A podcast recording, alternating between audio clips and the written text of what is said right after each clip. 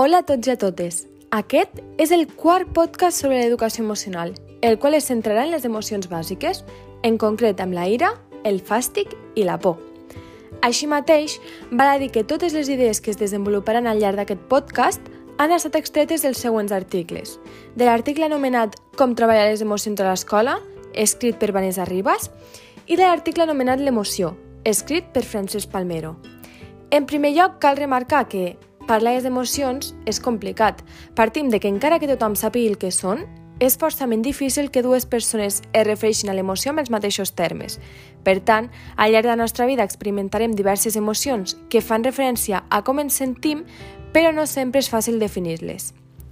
Les emocions bàsiques són l'alegria, la ira, la tristesa, la por, l'aversió, fins i tot la sorpresa, les quals apareixen des de la primera infància. Al llarg d'aquest podcast podreu enfatitzar en en tres emocions bàsiques i podrem anar resolent els possibles dubtes que se'ns plantegin.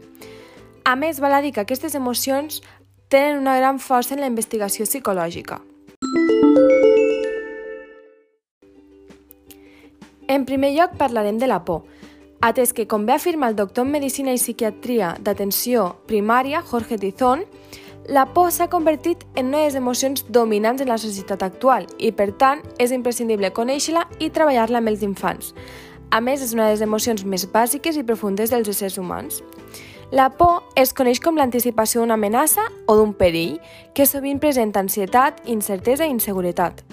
Aquesta emoció sol estar directament relacionada amb la supervivència, per tant, en el moment en què sentim aquest perill, se sol tenir una tendència a la protecció i s'actua mitjançant la evitació, la immobilitat o bé atacant. L'autor Jorge Tizón explica en el seu llibre anomenat El poder del miedo que la por és una emoció que incorpora una gran quantitat de sensacions físiques en el nostre cos. Per exemple, podem observar la contracció muscular, l'acceleració cardíaca i respiratòria, la caiguda de l'activitat immunològica, la dilatació de les pupil·les, entre d'altres.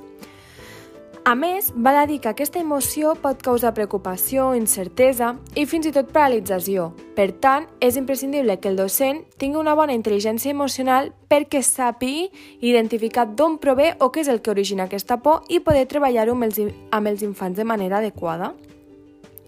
A continuació, explicaré la següent emoció, el fàstic, o també anomenat aversió. En aquests últims anys, aquesta emoció ha estat objecte d'interès en la comunitat científica. En termes generals, el fàstic és la sensació de disgust, que ens fa allunyar-nos d'allò que ens produeix aversió o malestar, i per tant, actuem a partir d'un rebuig. En l'àmbit fisiològic, el fàstic es caracteritza per tenir unes reaccions molt evidents, en general, aquesta emoció provoca l'augment de la reactivitat gastrointestinal, la tensió muscular, les nàusees, l'augment de salivació i apareix també una gran predominança de la resposta parasimpàtica.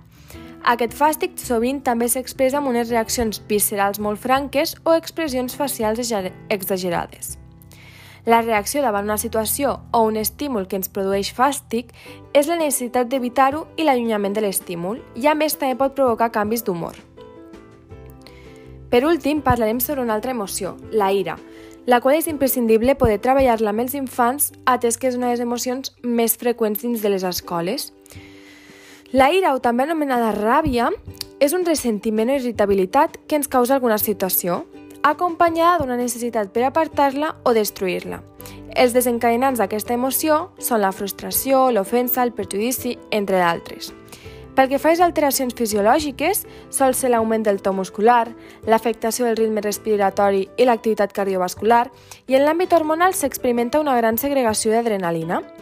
A més, la ira pot ser més intensa quan recordem la situació que la provoca.